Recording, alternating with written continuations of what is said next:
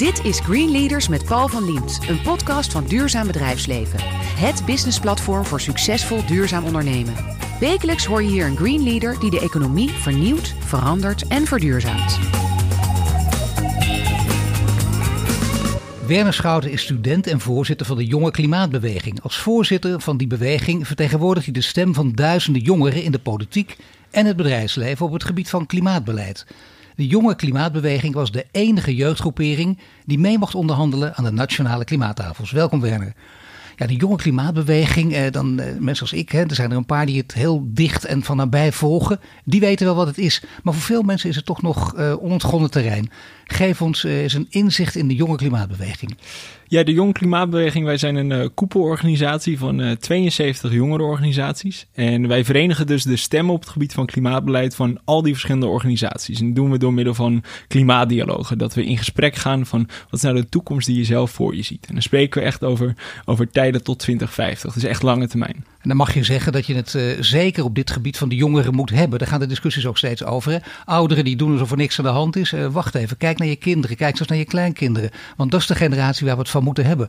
Maar dan hoor ik jou over koepelorganisatie. En dan gaat het meteen in mijn hoofd denken, oh wacht even, koepelorganisatie. Dat zijn toch organisaties die inderdaad heel veel organisaties onder zich herbergen, maar eigenlijk niets te zeggen hebben. Hoe werkt het dan bij de jonge klimaatbeweging?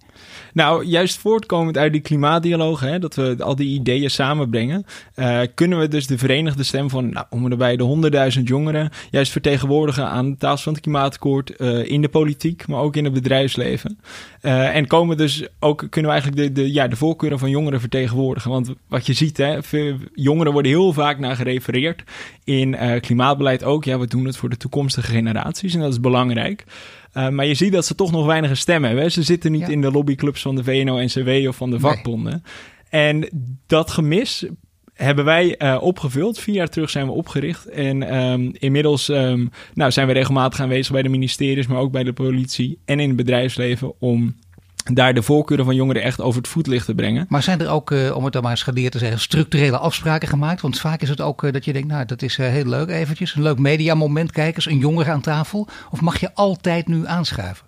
Nou, het, het, krijgt een steeds vastere vorm. Dus we kregen zo, de, zo dus al een plek bij het klimaatakkoord. Uh, recentelijk was er ook een, een, motie aangenomen in de Kamer dat wij zeker halfjaarlijks met de minister in overleg gaan om daar uh, het, het, um, ja, de, de, ideeën van jongeren mee te nemen. Dus dat begint steeds vastere vorm. We zitten sinds kort ook bij het CER Jongerenplatform. Dus echt hè, de polder, ja. de, de poldertempel van Nederland. Ja. Um, daar de, nemen we ook deel aan de commissie Duurzame Ontwikkeling. Zodat we op steeds meer plekken die ideeën van jongeren uh, een plek geven. Het is belangrijk om een stem te hebben. Het is ook belangrijk om je dan niet te laten inpakken. Moeilijk genoeg natuurlijk, hè? want uh, je zit aan een tafel met mensen die al heel lang een bepaalde manier van onderhandelen gewend zijn, die het spel kennen, die je dus ook makkelijk kunnen inpakken. Hoe kun je toch je eigen stem, je eigen geluid uh, koesteren en laten horen? Ja, dat is ontzettend moeilijk. Het is echt een, een balanceeract. Want je komt natuurlijk als, als jong persoon, hè, heb je niet altijd de, expertise van mensen die al jaren in die dossiers zitten. Maar door, je, door juist heel slim eigenlijk je, je eigen positionering eh, te kennen, hè, dat, het, dat je sowieso weet dat jongeren echt een, een, een, een reden hebben om mee te doen in klimaatbeleid. Want we spreken over systemen, de vormgeving van ons mobiliteitssysteem, ons gebouwde omgeving voor de komende tientallen jaren. Dus vanuit die overtuiging dat er sowieso um, uh, reden is dat je, dat je er bent. Dat is denk ik één. En daarnaast weten jongeren ook, omdat zij juist nog niet zo gewend zijn aan de gebaande paden hè, en de standaard structuren, zijn ze wat meer onbevangen. En dat helpt ontzettend om gewoon vraagtekens te, te stellen bij aannames die eerder al worden gemaakt. Maar dat schreeuwt om voorbeelden natuurlijk weer. Ja, dat je zegt, nou, wat zeg, geef eens een paar goede voorbeelden van die onbevangen aanname of van aannames die jullie met je onbevangenheid uh, bijvoorbeeld om, omver hebben kunnen werpen. Nou, wat, wat, wat je bijvoorbeeld ziet in, in uh, nou, als je het hebt over het klimaatakkoord bij mobiliteit, wordt al heel snel de aanname gemaakt van, oh, we willen verduurzamen, dus uh, we moeten collectief van de, van, de, van de fossiele auto moeten we naar de elektrische auto. Doelstelling in 2030 willen we 1,9 miljoen elektrische auto's. Als je het jongeren vraagt, hebben zij helemaal niet zoveel waarde aan het bezit van een auto. Terwijl de, de, de aanname wordt gemaakt dat iedereen maar een auto wil bezitten. Jongeren hebben veel liever gewoon bereikbaarheid. Dus dat ze uh, snel ergens kunnen zijn. Maar of dat wordt ingevuld met een fijnmazige OV-netwerk, deelvervoer en deelfietsen of een eigen auto, dat laat ze veel meer in het midden. Je ziet ook uh, autogebruik en autobezit onder jongeren uh, afnemen. Dus denk ik, dat is al echt een van die aannames waarbij je zegt van je kan veel slimmer je systeem eigenlijk vormgeven als je niet gebonden zit aan zo'n aanname. En wordt er dan keurig naar je geluisterd en geknikt en gaat ze dan over tot de orde van de dag? Of heb je de indruk dat dit ook echt te harte wordt genomen, dat er ook iets mee gedaan wordt? Nou, als je kijkt naar het klimaatakkoord, dan hebben we ons werk uh, niet heel goed gedaan. Want die doelstelling van 1,9 miljoen auto, elektrische auto's staat er nog steeds in. Um, dus inderdaad, wij, wij gaan steeds vaker met ze in gesprek. Um, wat we nu nog wel missen is echt de dialoog. Hè? Dus we, we delen nu onze informatie, onze zorgen, de kansen die we zien. Maar denk ik echt de dialoog ingaan over van welke afwegingen nu moeten maken. Daar um, zitten we nog onvoldoende meestal aan tafel. Uh, dus dat is nog wel een volgende stap in onze vertegenwoordiging. Hoe ga je dat voor elkaar krijgen? Nou, wat wij denken is, wat we ook bijvoorbeeld zien, hè, nu bijvoorbeeld dat er zo'n motie is aangenomen door um, door de Kamer is dat je soms toch wel tegen de weerstand aanloopt bij het bedrijfsleven. Omdat je toch nou, misschien wat heilige huisjes omtrapt. Um, ook ook, ook binnen, binnen de ambtenarij soms. Toch moet je er wel even één of twee noemen. Want juist ook, hè, je hebt er net, net eentje genoemd, maar nu eentje, een heilig huisje bij het bedrijfsleven. Of eentje bij de ambtenarij? Nou, een, een heilig huisje bij het bedrijfsleven is bijvoorbeeld als je kijkt naar het voedselsysteem. Laat ik vooropstellen, wij zitten dus op onderwerp van mobiliteit, um, voedsel, hoe we werken, hoe we wonen. Alles hangt samen ook. Ja, ja, dus dat is echt een hele, hele brede visie waar we ons ook over uitspreken. Je ziet zowel in de ambtenarij als het bedrijfsleven een ontzettende terughoudendheid om eigenlijk een, een, een, getal te plakken op de totale omvang van de veestapel. Terwijl we nu toch echt zien dat het een onhoudbaar systeem is. Ik denk een vooroplopende politicus, Tjeer de Groot, die durft dat wel met de halvering van de veestapel. En dat is iets wat wij ook ontzettend ondersteunen, is dat we gewoon als je het beste met de boer voor hebt, dan moet je toekomstperspectief schetsen, ook voor hun. En dan moet je gewoon dat onder ogen komen en samen een, een, een vervolgpad uh, bepalen. Maar je weet wat dan natuurlijk uit die kringen wordt geroepen. Ja, je hebt makkelijk praten en zo, maar we hebben natuurlijk wel met verdienmodellen te maken. En met die verdienmodellen, daar krijgen we geld mee. Met dat geld kunnen we mooie investeringen doen die ook het klimaat en goede kunnen komen. Je kunt niet zomaar, je kunt natuurlijk eigen huisjes omver trappen, maar dan komt er altijd ook weer het, het geld om de hoek kijken. Klopt. Ja, nee, dat is zeker, zeker het geval. Uh, je ziet ook dat bijvoorbeeld als je overstapt naar een meer duurzame landbouw, dat, dat je verdienvermogen lang uh, voor zeker drie jaar onder druk, onder druk staat. Ja. Dus dan is het ook belangrijk dat je daar de juiste maatregelen um, voor hebt. Wat wij zien, wij hebben ook jonge boeren in onze achterban. Die zijn gerust niet allemaal niet, uh, onbereid om, om te verduurzamen. We zien een enorme ja. bereidheid om te verduurzamen. Omdat die ook wel des te heel goed weten dat, dat het op de lange termijn niet meer houdbaar is. Maar dat is zo interessant. Hè? Dat je ook die jongeren, ook die jonge boeren aan tafel hebt. Dus niet alleen maar met, laten we zeggen, uh, de studenten. De, de, degenen die nu studeren en die opgeleid worden voor weet ik wat. Misschien wel voor de grote corporates. Maar ook met deze mensen aan tafel. En die hebben ook een serieuze stem, deze jonge boeren. Ja, exact. Dus wat wij willen is dat we juist die bereidwilligheid ontsluiten. En dat we gewoon samen het gesprek aangaan van hoe kunnen we dan wel? Inderdaad, het verdienmodel komt onder druk te staan. Maar moeten we dan wat doen aan het verdienmodel? Moeten we dan misschien in overleg met marktpartijen om gelangs de gehele keten een wat eerlijkere prijs te organiseren? Uh, wij kijken veel meer naar oplossingen in plaats van dat we. En dat, dat is denk ik ook wel toch het einde van, van binnen de eigen organisatie kijken naar verduurzaming. Als je binnen je eigen organisatie kijkt naar verduurzaming, dan loop je op een gegeven moment tegen grenzen aan. En ik denk dat die fase echt voorbij is. En dat we juist een hele goede samenwerking met een keten, met je conculega's, met industrieën in clusters. Ja, dat is gaat... volstrekt nieuw wat je nu zegt. Dat is echt volstrekt nieuw ja. als, als je dat voor elkaar gaat krijgen. Want er wordt altijd gekeken, kijk, wij doen het goed.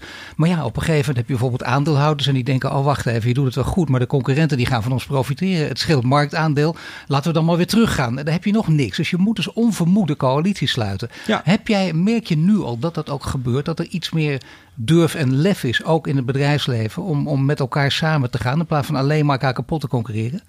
Nou, een mooi voorbeeld is denk ik de Green Protein Alliance. Dat is waar Albert Heijn en Jumbo en andere marktpartijen zitten samen om samen met de overheid ook te kijken hoe ze nou het, uh, de consumptie van dierlijke eiwitten, dus van vlees, kunnen reduceren, zodat er steeds meer plantaardige eiwitten in ons, in ons uh, dieet komen. Dat is een doel voor, nou, dat, dat is goed voor onze gezondheid, dat is goed voor onze uitstoot. Dat is ook een doel wat goed is voor de publieke zaak, voor ons als Nederland.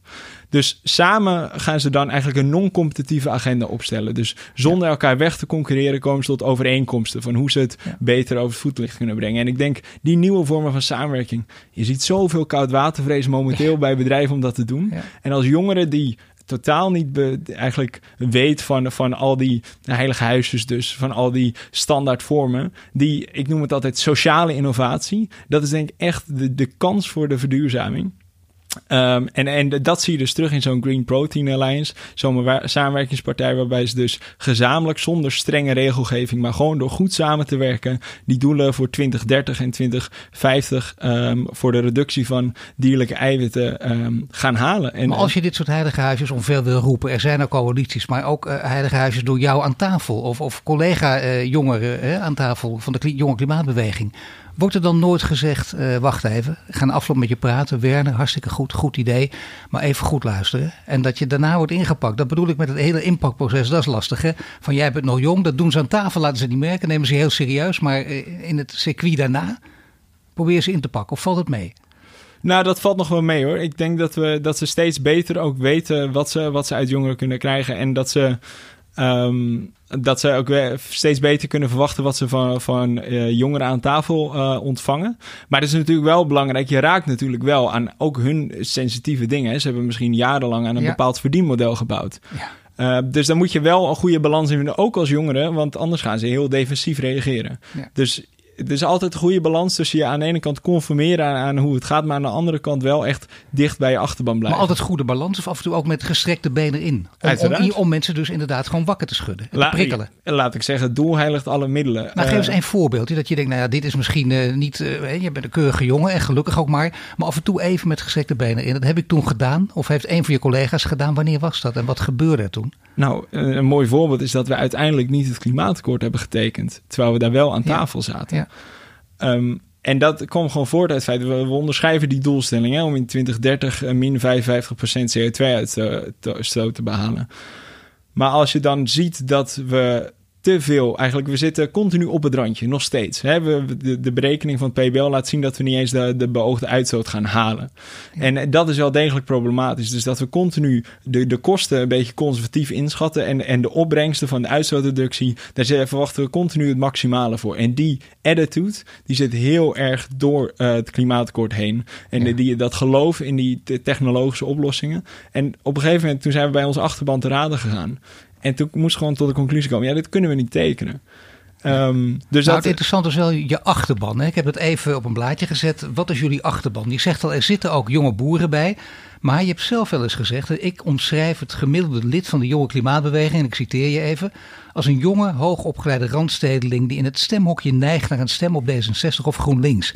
En tegelijkertijd weer dus een brede groepering zijn die veel meer mensen aantrekken. Niet alleen misschien uh, student zijn, maar breder georiënteerd zijn. Ja, dus we, inderdaad, we zien toch wel dat dat, dat is wel een, het grote deel van onze achterban. Maar we zijn ook continu in, in contact met de politieke jongerenorganisaties om ook daar een beetje de sentimenten te proeven. Van. Maar ook jonge ondernemers, winkeliers, uh, moeders en vaders zijn uh, in Zuidoost, in Amsterdam bijvoorbeeld. En, uh, in, in andere wijken dan, dan normaal gesproken aan die tafel zitten. Kun je die ook, want als je die bij elkaar aan een tafel zet, dan hoor je, dan kom je ook uit je ivoren toortje. Zie je wat er werkelijk leeft. Ja, het is mooi dat je dat zegt, Paul. Want wij, wij hebben dat ook aan het begin van, van mijn bestuursjaar. Ik word altijd aangesteld voor een, voor een jaar. Ja. Hadden we die exactzelfde observatie. Dus toen zaten we ook met bestuursleden van... Goh, hoe kunnen we dit nou organiseren? Want we hebben afgelopen... In 2019 hebben we een groot festival georganiseerd... in de Westergasfabriek. Ook echt met het idee van... willen zoveel mogelijk een brede jongerengroep bereiken... die we normaal niet bereiken. Voor dus hadden... de Westergasfabriek in Amsterdam. Ja, ja exact. Dus uh, evenementenlocatie. Um,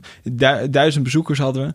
En toen hadden we ook allemaal advertentiecampagnes online, juist gericht. Dat kan je via Facebook en Instagram allemaal heel precies doen. Op mensen die zich niet met be uh, duurzaamheid bezighouden.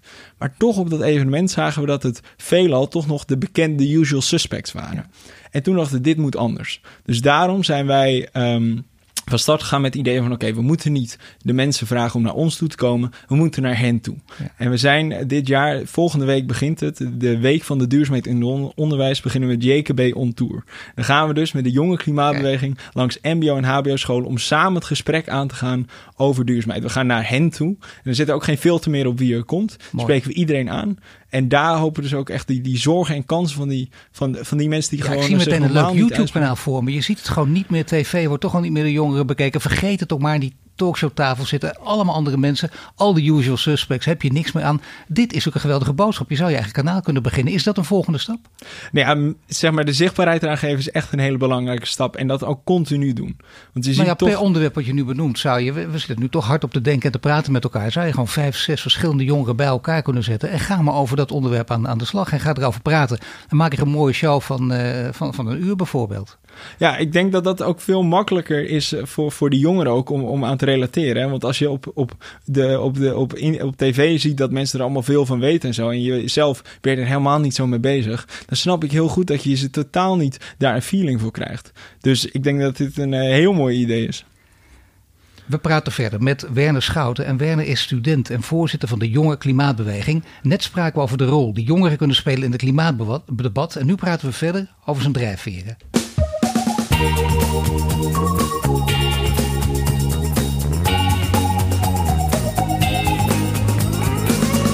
Kijk, een citaatje weer over jou. Hè? Een reactie op de top in Madrid. Even geleden weer. Toen zeg je nou de volgende top in Glasgow, die uiteraard door corona niet is doorgegaan. Maar daar verwacht ik veel meer van. Aanscherping van de klimaatdoelstellingen. En ga ik me even één oude lullen opmerking permitteren. Ik was in 2007, Kopenhagen ook. eh, viel het ook heel erg tegen. Obama kwam daar netelijk met zijn hoopboodschap. Iedereen verwachtte daar heel veel van.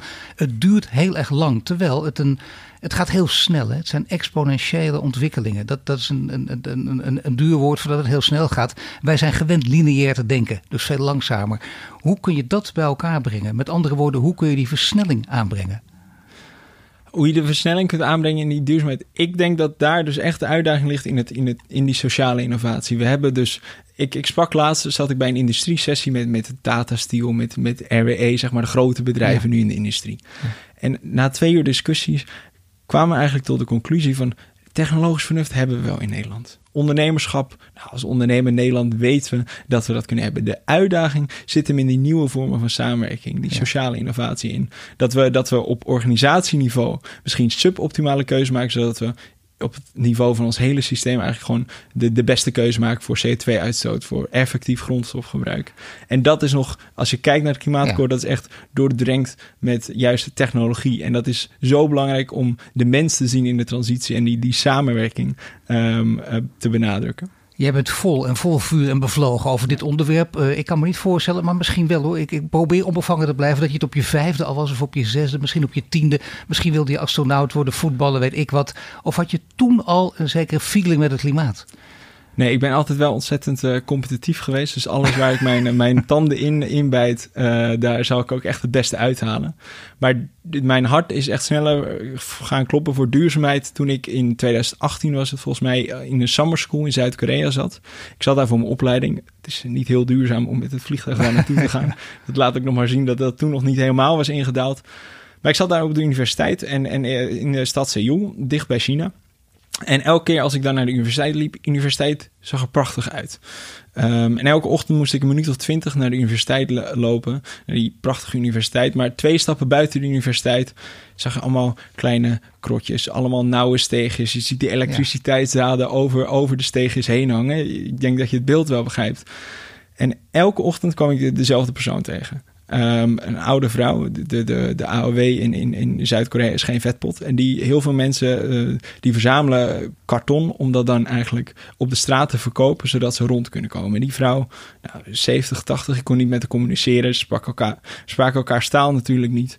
Maar ik voelde zo'n empathie voor haar. En elke dag kwam ik er ongeveer op hetzelfde plekje tegen.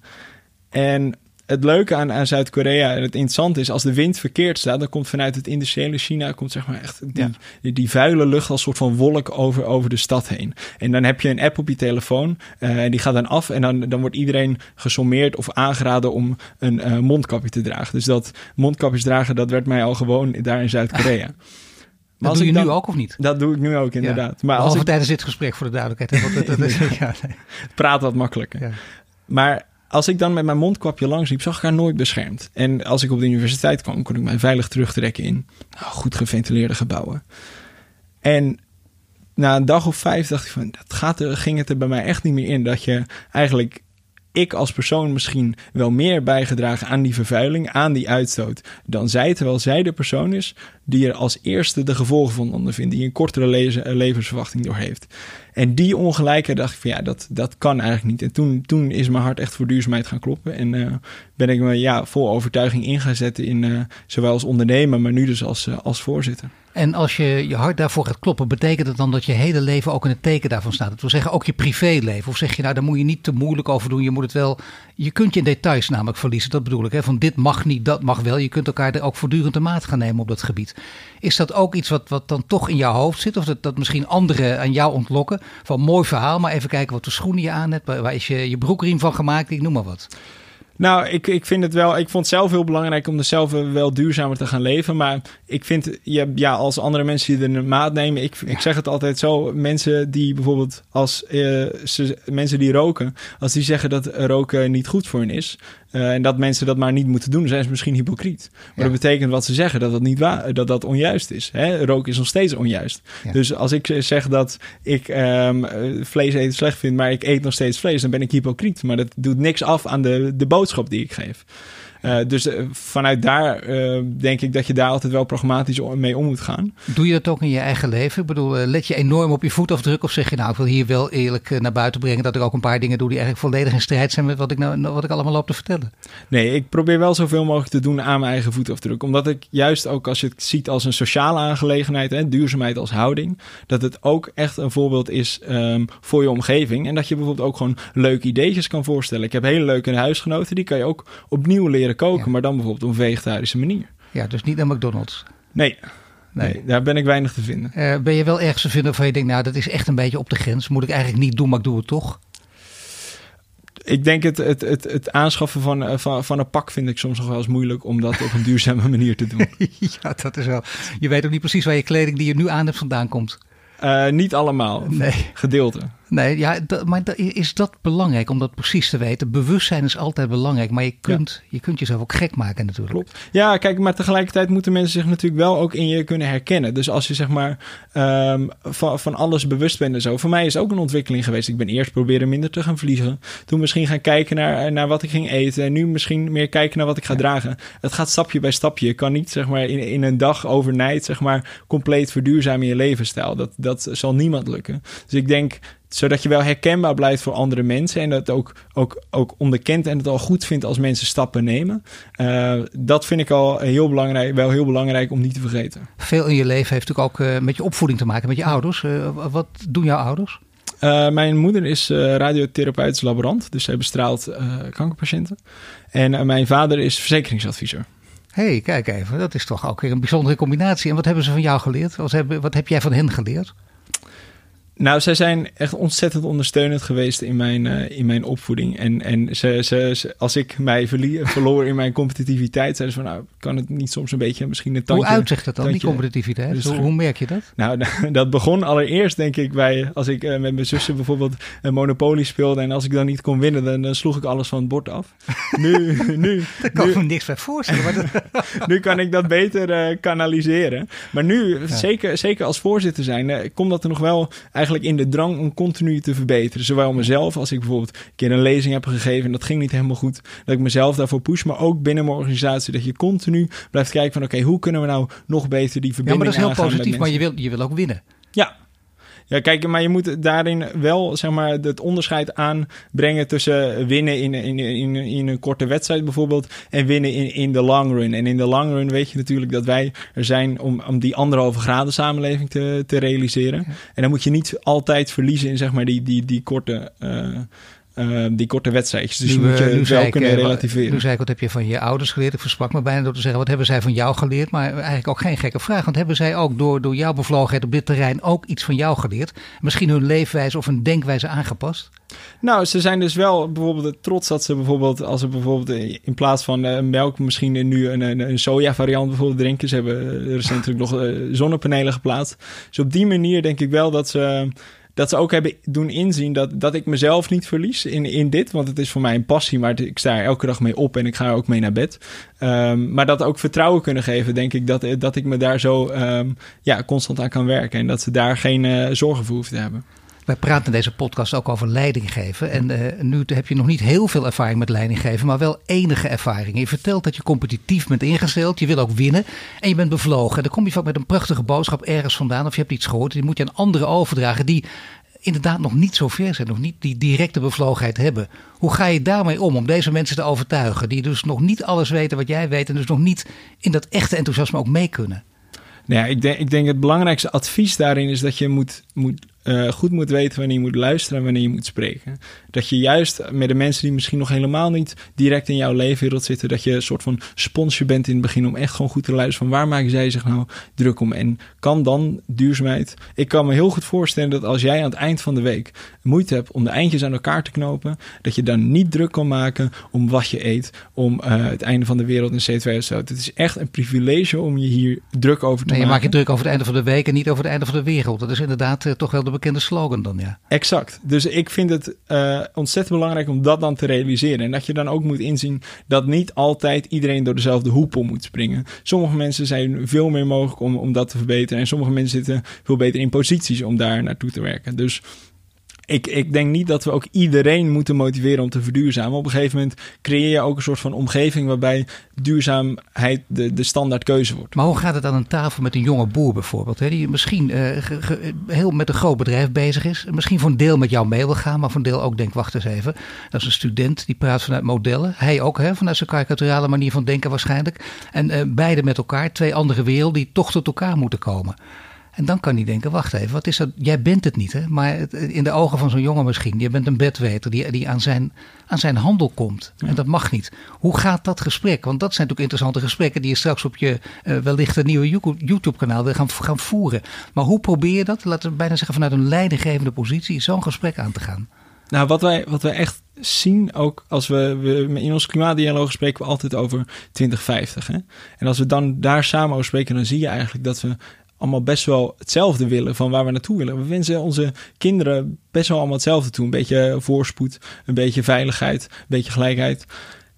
En als je dat dan van daaruit, van die, dat gedeelde startpunt in de toekomst, eigenlijk terug gaat werken naar hoe we, van, wat we vandaag dan moeten doen. Ik denk dat dat al ontzettend helpt. Dat je dan eigenlijk ziet dat we eigenlijk helemaal niet zo verschillend zijn. En dat we misschien alleen het niet helemaal eens zijn over hoe we daar willen komen. Maar dat is vast wel te overbruggen. Leer jij ook wat van de andere partij? Want dat is natuurlijk een, een discussie die altijd gevoerd wordt. Hè? Dus mensen die goed uit hun woorden kunnen komen, die uh, goed onderlegd zijn, uh, veel studies volgen, uh, een grote mooie carrière voor zich hebben. Tegenover, laten we zeggen, de mensen die die praktisch zijn, ook praktisch opgeleid, mooie bedrijven neerzetten.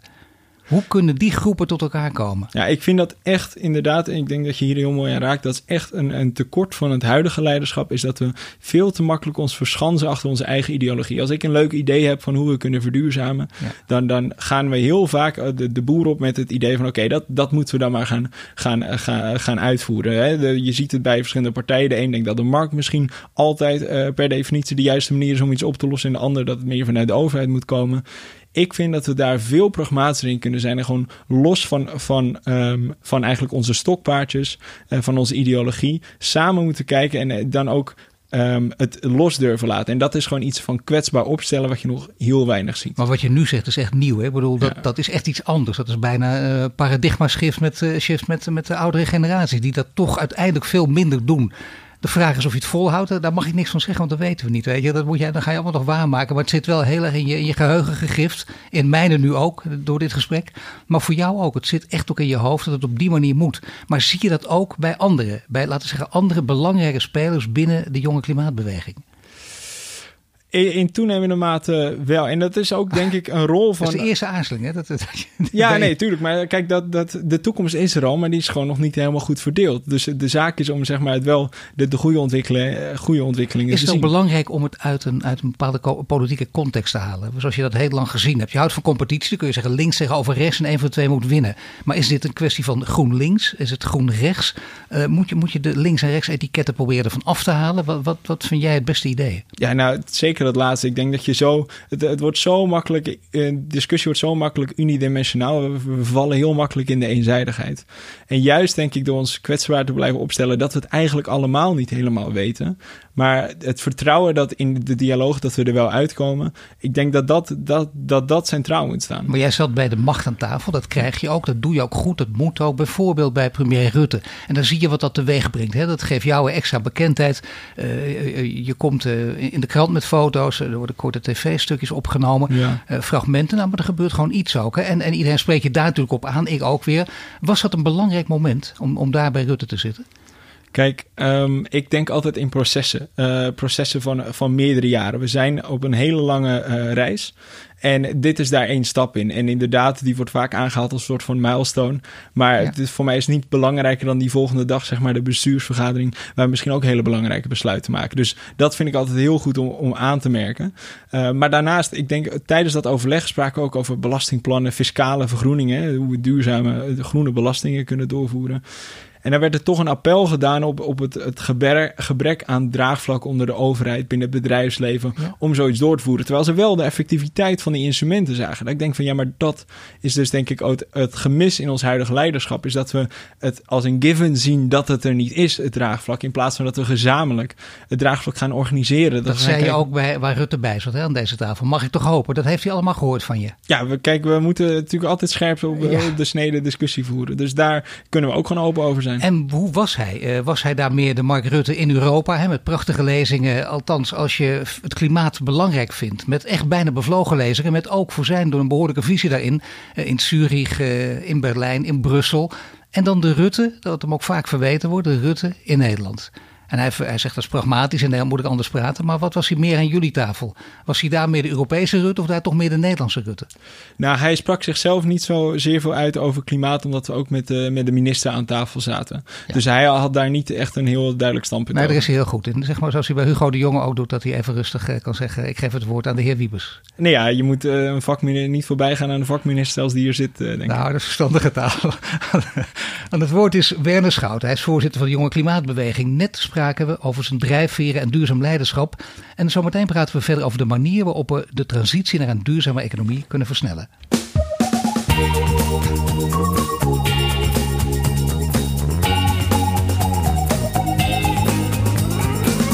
Bij mij in de studio staat Werner Schouten. Net spraken over duurzaam leiderschap. Nu praten we verder over de transitie naar een duurzame economie.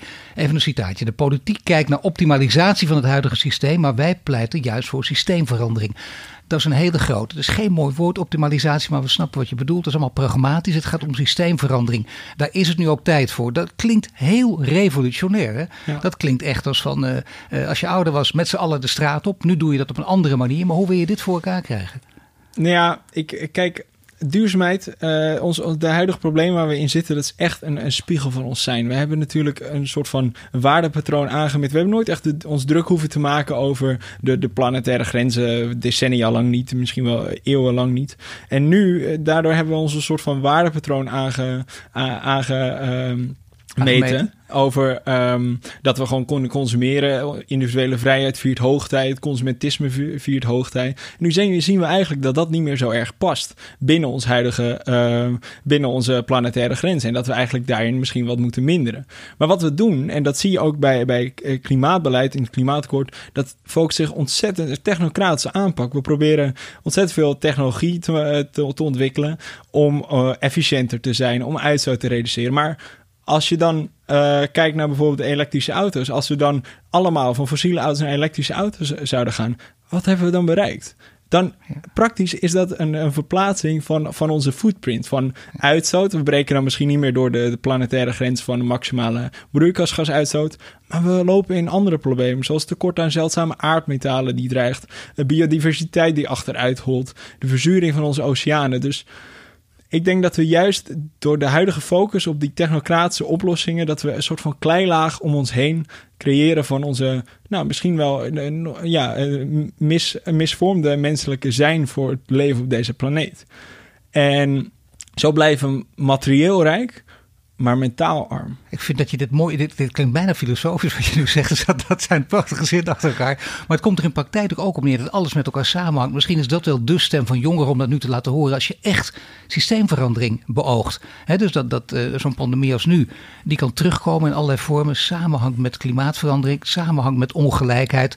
Uh, samenhangt met, met ook geopolitiek. Want waar moet het uiteindelijk vandaan komen? China zet stappen, kan op lange termijn kijken, maar is geen democratie. Amerika, daar gaat behoorlijk wat mis, om het er zacht uit te drukken. Dan heb je Europa over. En wij denken altijd binnen onszelf, het gaat niet goed en ruzie, dat is ook zo. Maar de buitenwereld ziet Europa wel degelijk als een macht. Is ook het hoogst opgeleide deel van de wereld. Zou je daar niet meer werk van moeten maken? Van uh, Europa op, op de voorgrond plaatsen?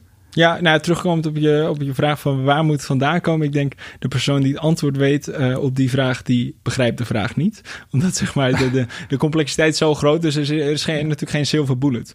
Um, er is ja, geen silver bullet, maar, je kunt, maar als het over geopolitiek gaat, misschien wel. Als je moet kiezen tussen China, tussen Europa en tussen Amerika ja, ik denk dat wij, dat wij als, als Europa daar wel zeker voorlopen in zijn. Ik heb een toevallig een hele goede vriend in Saudi-Arabië. Nou, daar heb ik hem eerst moeten uitleggen, eh, een half jaar terug, wat klimaatverandering was en waarom we daar zo een drukte over maken.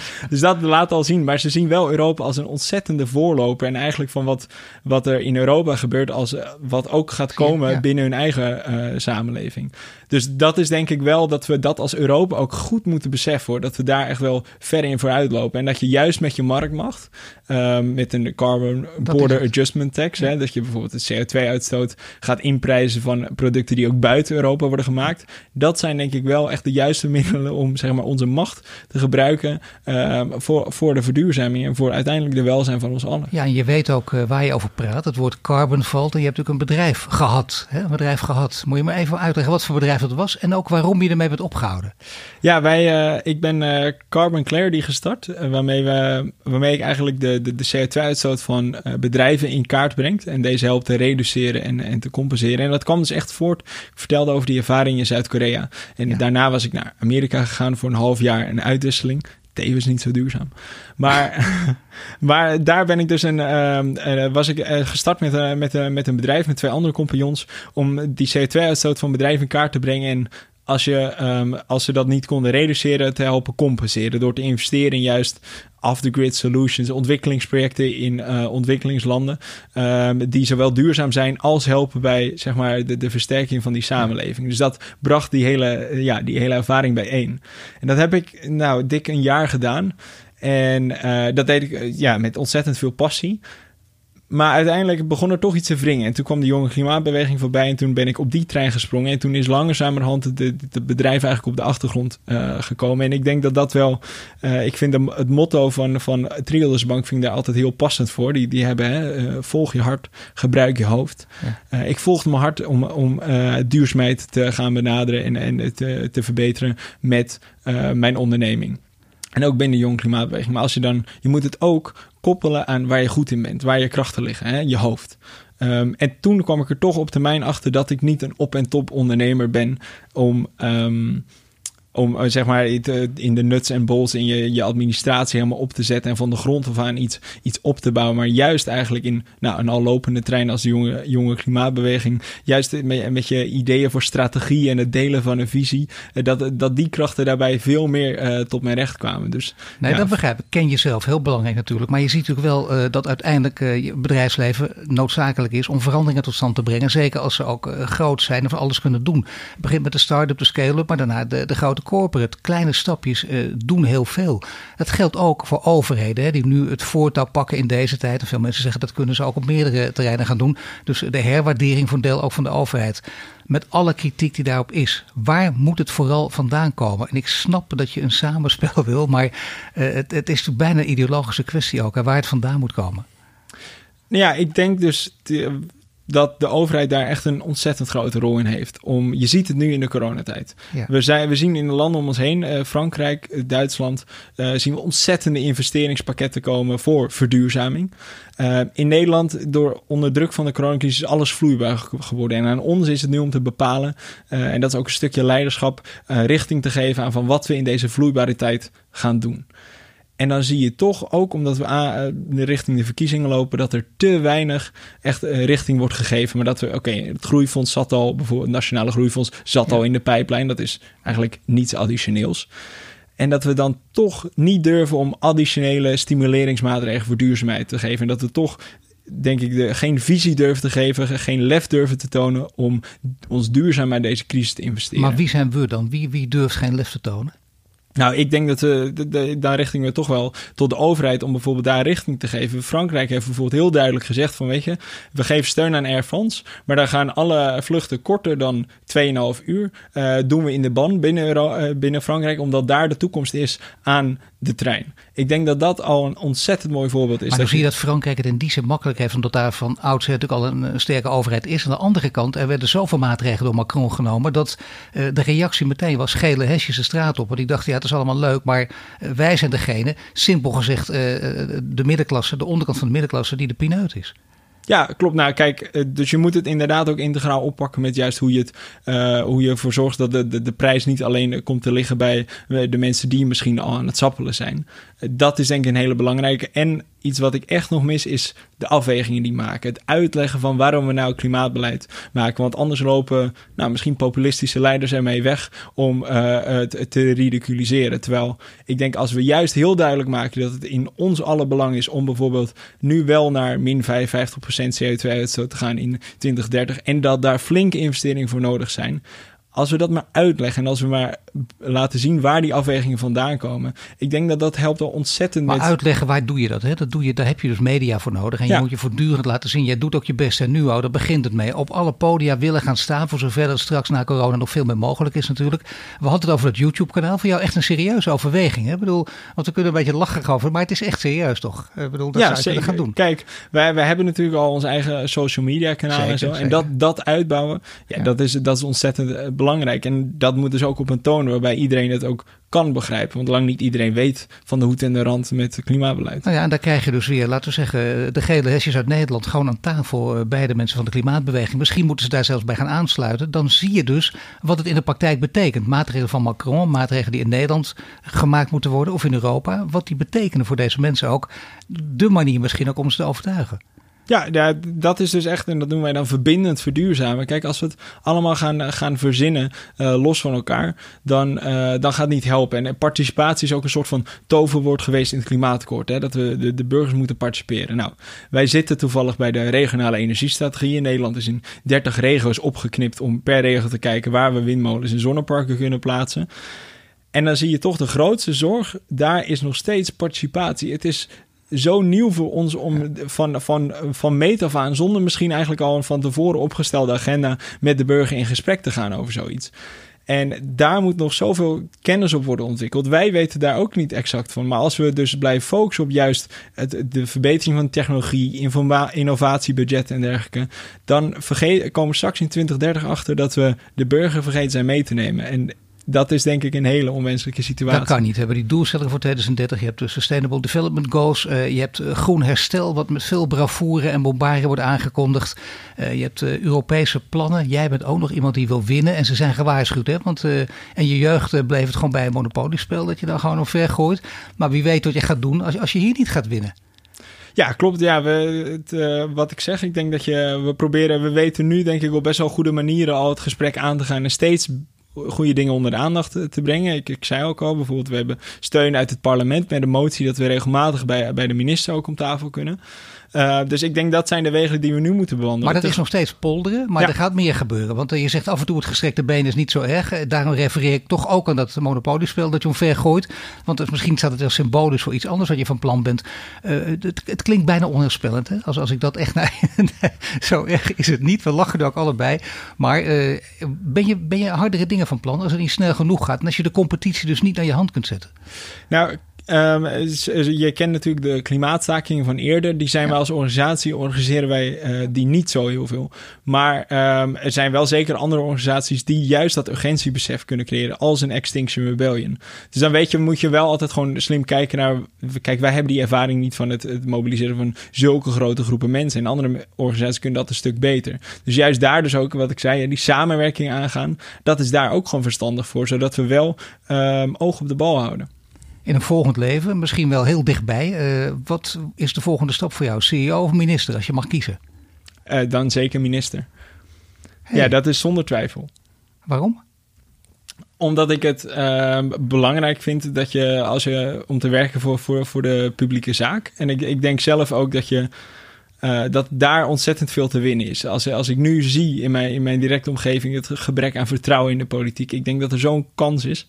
Um, en daar wil ik me ontzettend graag voor inzetten, zodat we daar, ik denk, dat, ik denk namelijk het bedrijfsleven, daar, daar daalt wel op een gegeven moment uh, mee, steeds meer ook een bewustwording in. En die, ja, okay, die spellen, spelen niet altijd maar voor jou is het duidelijk minister, want dan moet je wel lid zijn van een partij. Ben je dat al of niet? Nee, ik ben niet lid van een partij. Wat gaat het worden tegen die tijd? Uh, dat is nog onzeker. Dat, uh, wij zijn een politiek neutrale organisatie. Oké, okay, nou ook weer goed antwoord. Ik dank je wel en heel veel succes. Weer Schouten van de Jonge Klimaatbeweging.